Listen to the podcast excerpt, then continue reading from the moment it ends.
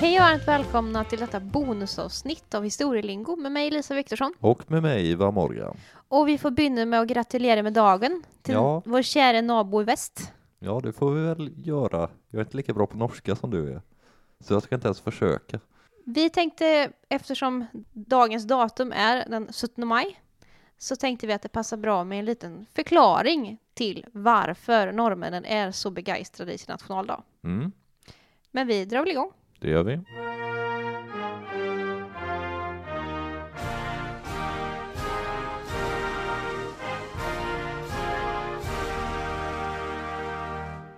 Du har väl kollat lite grann på det här eh, nästan militärhistoriska som ligger bakom den här eh, ja, begeistringen i nationaldagen. Ja, precis. För att idag, om man tänker på nation nationaldagsfirandet eller grundlovsfirandet då, så eh, tänker man ju på barnetåget med massa barn i buna och det är äh, drycker och flaggor och musik och firande.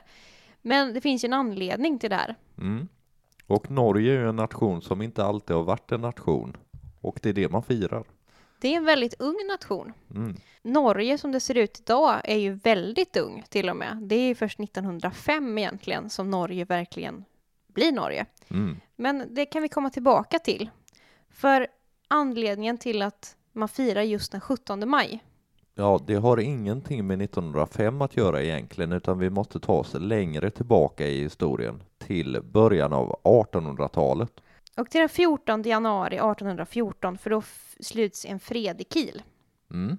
Och vad är det då för fred? Jo, det är efter Napoleonkrigen. Ja, Napoleon hade ju levt rövare i Europa där under några år. Och det kan man väl minst sagt säga. Och eh, ja, till att börja med, Norge tillhörde Danmark. Mm. Det är viktigt i det här sammanhanget. Sverige och Danmark är osams. Ja, som, som vanligt. Som alltid. Det är nämligen så att i Napoleonkrigen så står Sverige och Danmark på varsin sida. Just det. Där Sverige står på de allierade sida och Danmark, ja, på förlorarnas, så att säga. Mm. Och det blir då fredsförhandlingar i Kiel. Mm. Det är Och- nära och bra hemma i alla fall. Ja, precis. Och eh, det görs två versioner av den här, det här fredstraktatet. Ja, okej. Och i den första versionen så är det, ja det är lite grann, vi får till skolgården tror jag, när barn byter bokmärken med varandra. Mhm. Det Det, kanske- tror jag inte barn gör längre. Nej, fast det gjorde man förr i alla fall. Men ungefär som att byta bokmärken bytte Sverige och eh, Danmark länder med varann. Mm. Det var nämligen så att i den här freden så skulle Sverige helt enkelt bara få Norge. Mm. Eh, bara sådär. Och, Det är ju en ganska bra present. ja, och i gengäld så skulle då Sverige ge Danmark Pommern och Rügen, alltså tyska områden, eller svenska områdena i Tyskland. Just det. Och eh, ja, så på det sättet så borde ju Norge varit lite hö högre värderat i den här bokmärkeshandeln då eftersom att Danmark fick två områden kan man tycka. Ja, man kan tycka det. Men det är inte det som blir sluttraktatet. Utan i den slutliga versionen så, ja, fortfarande Norge ska bli svenskt, men inte så här bara att man bara får det och sen så ska Norge lyda under Sverige. Nej. Utan man bestämmer att Sverige ska få Norge, men att Norge ska ha ett eget kungarike, Precis. fast stå under svensk suveränitet. Mm. Norge skulle också förlora lite landområden som tillhör liksom norskt territorium. Mhm. Och eh, det är historier i sig som vi kanske kan komma tillbaka till vid ett annat tillfälle i podden. Ja, och även eh, den unionen som sen kommer bildas, det är mycket möjligt att vi kommer tillbaka till någon annan gång. Mm, Det kan vara så, absolut. Eh, men Grönland, Island och Färöarna, Ja, de är inte norska längre nu. nej. Och vad händer? Man är inte glad i Norge över att bli svenska. Nej. Och man är inte glad över att förlora de här landområdena. Och man blir extremt förbannad. Det blir liksom upprorsstämning i Norge. Och eh, vad gör man? Jo, man tar saken i egna, egna händer. Man träffas i Eidsvoll Mm. och där skriver man under en konstitution. Precis. Där liksom den norska grundlagen helt enkelt. Mm. Och det här har man ju inte fått klartecken av Sverige och Danmark och sådär att man får göra, utan det här gör man ändå. Och man bestämmer också att de- den danska kronprinsen Christian Fredrik ska vara kung. Just det. Och det här är något som inte får erkännande internationellt. Det är ingen annan stat som erkänner Christian Fredrik som norsk kung. Nej. Det viktiga är att den här grundlagen, då, den norska konstitutionen, den skrivs under Eidsvoll den 17 maj 1814. Just det. Och eh, det är ju det som sen kommer att bli liksom den norska grundlagen. Och i Sverige är man inte nöjd över att Norge helt plötsligt har skrivit under en egen grundlag och på fritt bevåg börjat eh, göra uppror nästan, som man får nästan se det som. Ja, så att då tänker man i Sverige att det här måste slås ner, vi måste uppfostra dem. Och eh, i Sverige är det lite svajigt med kungamakten vid den här tiden. Mm. För att vi har en sittande kung, Karl XIII, som är, ja, ha- han är på ålderns höst kan man säga. Ja, han eh, var inte helt med i huvudet alltid på slutet. Där. Och eh, så har man en kronprins som är adopterad från Frankrike, Jean-Baptiste Bernadotte, Mm. som kommer att bli Karl XIV Johan. då. Och eh, de här två herrarna, de bestämmer att vi måste göra något åt Norge. Och man ger sig ut på ett fälttåg. Självklart. Man ska alltså starta krig emot Norge. Och vi får säga också om Karl XIV Johan att han var inget fromt litet lamm utan han var en ganska militärisk man. Han var ju general i Frankrike innan han blev eh, kronprins i Sverige. Mm, Han var yrkesmilitär och han figurerade ju i kretsen kring Napoleon. Mm. Men hur som helst, man eh, ger sig ut på det här fälttåget och man tar sig över gränsen och man har flera slag i närheten av gränsen helt enkelt då, som Sverige vinner. Mm. Och sen tar man sig då närmare och närmare Oslo. Eller Christiania som det hette då. Och den 14 augusti så står det ett slag vid Kölsberg. Ja, okej. Och eh, när Norge förlorar det slaget också så ger man upp. För att då har svenskarna fri lejd in till Oslo. Just det. Och norrmännen de åberopar vapenvila. Mm. Och eh, den här fredskontraktet, eller liksom vapenvilan, den slöts då den 14 augusti 1814 i Moss. Mm. Och det här är sista gången Sverige har gjort det här. För det är Mm. nämligen sista gången Sverige har krigat. Ja, okej. Efter det så har det varit fred i Sverige. För Norges del, tyvärr, så eh, kom det ju att bli ett krig till när man blev indraget i andra världskriget. Ja, och vill man veta lite mer om det så kan man lyssna på avsnitt 56 som vi har gjort om Quisling. Precis. Men som sagt, man sluter den här freden och vad, vad går den ut på då? Jo, man ger sig från svenskt håll. Man godkänner den norska konstitutionen, undertecknat 17 maj. Mm. Man godkänner den, men de säger ni ska banne mig inte ha någon dansk kung. Nej, där var måttet rågat. Så Christian Fredrik han får springa hem med svansen mellan benen till Danmark. Och han är ute ur, ur historien där, kan man Mm.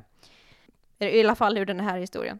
Och eh, Karl XIII utropar sig då till kung även över Norge. Mm. Och eh, den här uni- det blir ju en union, personalunion som håller då fram till 1905 där man har en gemensam unionsflagga. Som de flesta känner igen, det är ju svenska flaggan med, Med, med, med ett litet hörn som är norskt. ja precis, det vänstra hörnet, uppe i det vänstra hörnet så är det en liten norsk flagga. Just det. I, innan vi går vidare, för jag vet att du har tittat på lite annat, men innan vi går vidare kan vi också nämna att liksom huvudgatan i Oslo, paradgatan heter ju Karl Johan. Mm. Och den är ju då döpt efter Karl XIV Johan som ju bedrev det här fälttåget emot Mot Norge. Ja, det, att- det är det, lite skevt. och det är ju på Karl Johan som man kanske är epicentrum av 17 maj-firandet då. Det det är lite motsägelsefullt kanske. Kanske man ska byta namn. Jag vet inte. Ja, kanske. Vem vet? Men eh, du har, du har tittat på någonting helt annat. Ja, jag har kollat på lite grann. Var kom idén att fira 17 maj ifrån Mm. egentligen? Och då har jag läst en artikel av historikern Dick Harrison Mm. Och eh, den var ganska intressant läsning faktiskt. För det handlar om en man som heter Karl Fredrik Ehrensvärd. Ja. Nu får vi gå tillbaka lite grann i historien, för han föddes 1767. Det vill säga att vi rör oss i eh, frihetstidens Sverige och han var svensk. Mm. Och eh, han var friherre, skriftställare och någon slags agronomiexpert kom han att bli senare i livet. Hans far var fortifikationsexpert och hans mamma var författare faktiskt. Mm. Hon hette Anna Antonietta Gyllenberg och var faktiskt en av sex kvinnor som eh, deltog i debatten under frihetstiden under eget namn, det vill säga att de inte skrev under pseudonym. Nej, för det var ju vid den här tiden ganska vanligt att det fanns kvinnliga författare i Sverige som ju skrev under pseudonym för att de inte vågade använda sitt riktiga namn. Då. För Absolut, det här var ju en ganska manligt dominerad arena. verkligen. Så det är ganska häftigt faktiskt. Och hon var på hattpartiets eh, sida, om Mm. vi ska prata hattar och mössor. I alla fall, lille Karl Fredrik här.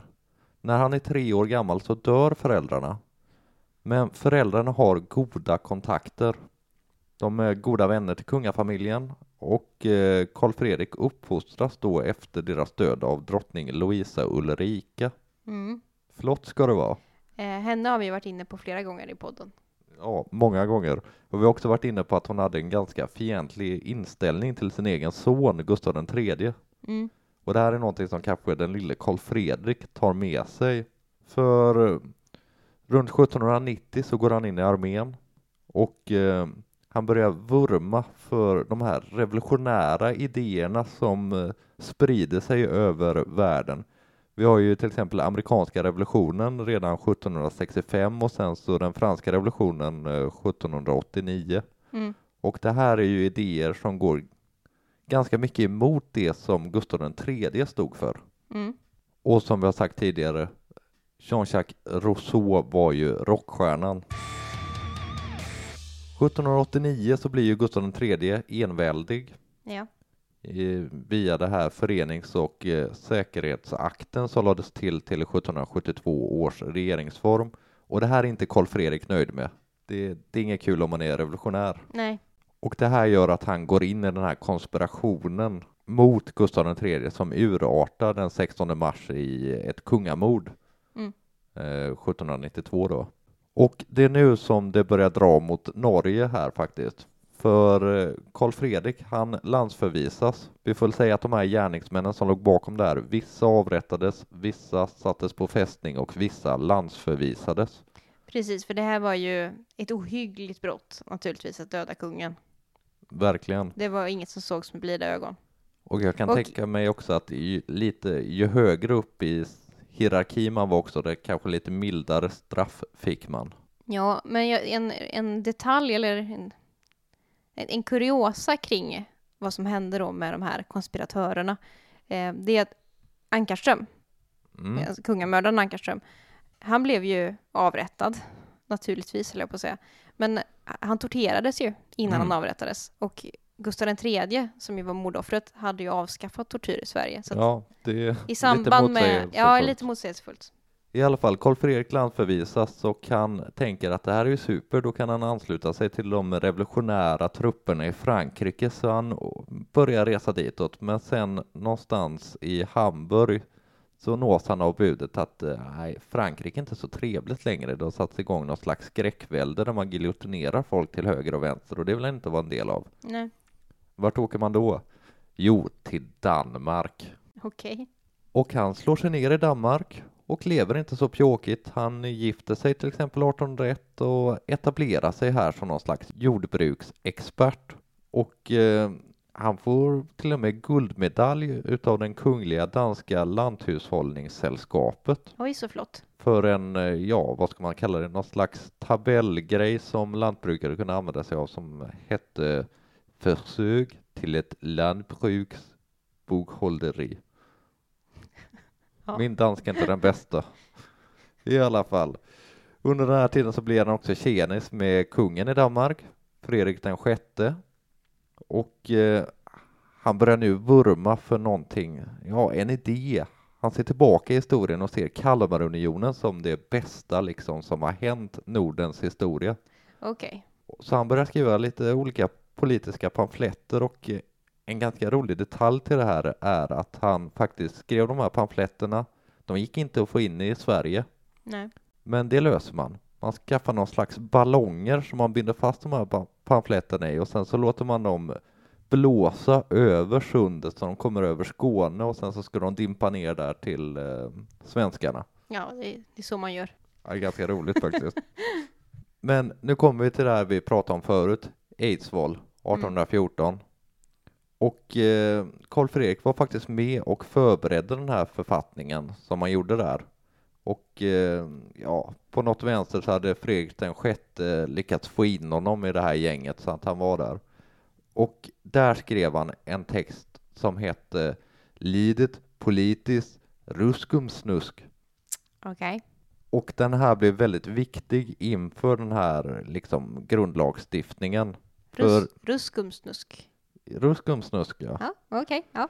Eh, Jag har faktiskt slått upp vad det ordet betyder, för det visste jag inte.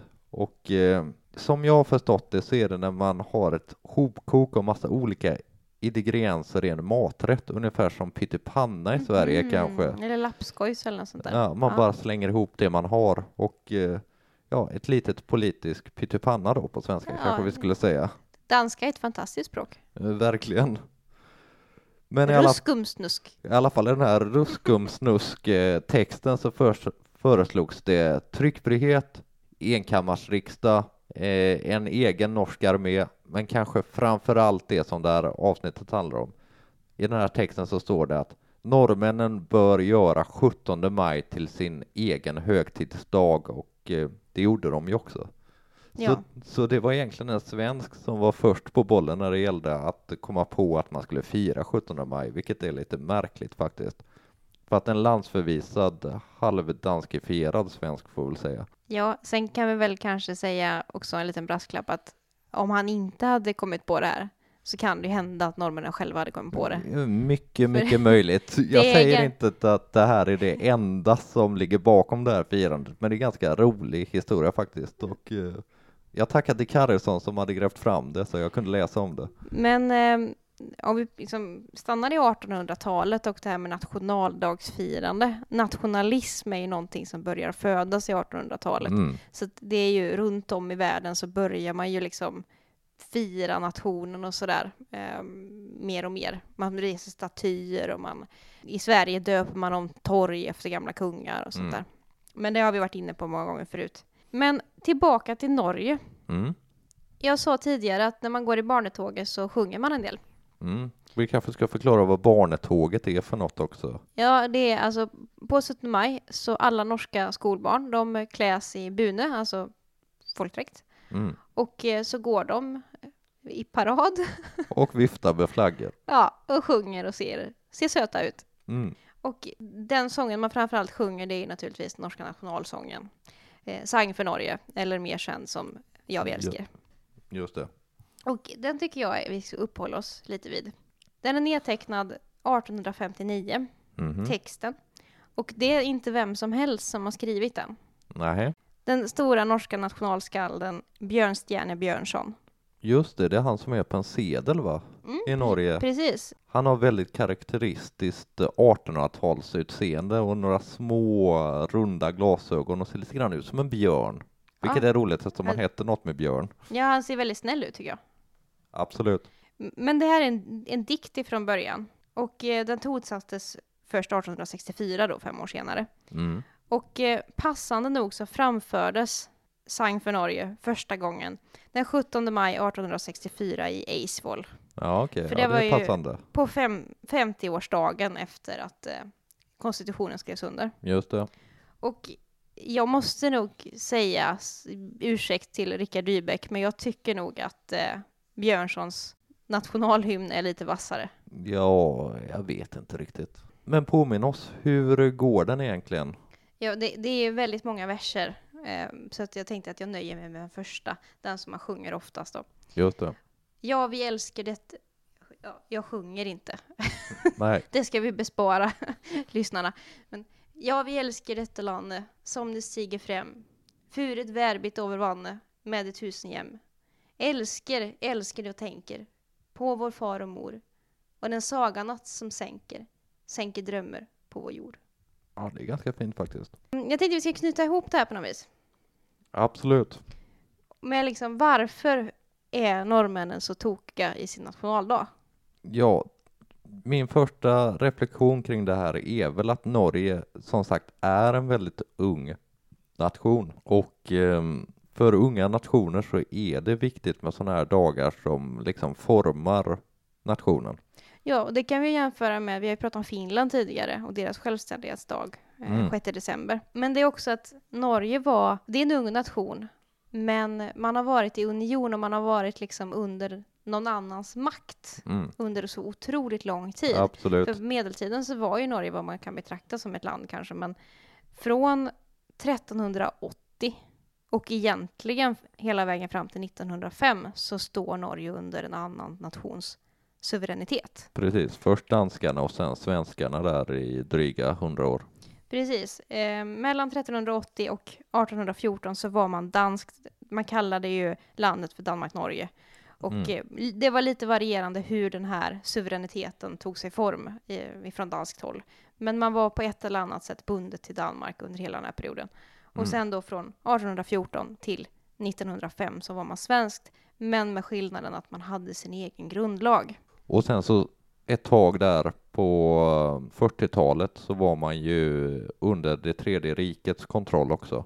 Precis, som vi var, varit inne på i avsnittet med Quisling så blev ju Norge väldigt, väldigt hårt drabbat av andra världskriget. Mm. Och eh, det är säkert också en anledning till att man än idag firar 17 maj så högtidligt och glatt som man gör det idag. Mm. För att man har en reell anledning att fira sin självständighet för att den har inte varit, historiskt sett, inte varit självklar. Nej, det är det minsta man kan säga om självständigheten, att den har varit självklar. Det är någonting som man har fått kämpa för att få.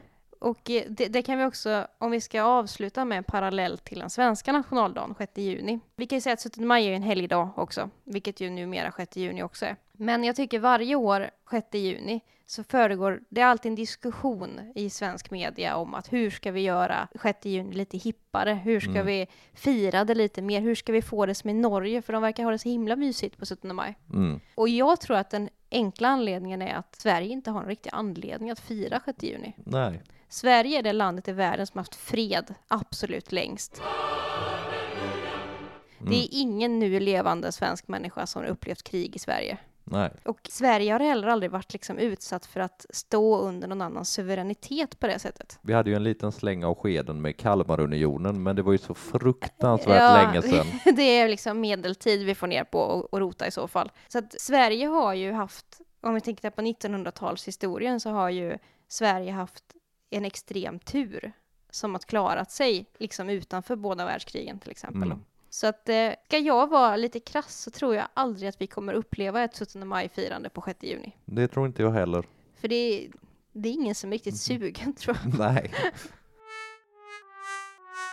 Men, men det, kanske, det kanske är dumt egentligen borde vi kanske vara hylla att vi faktiskt har haft, har världens längsta fred.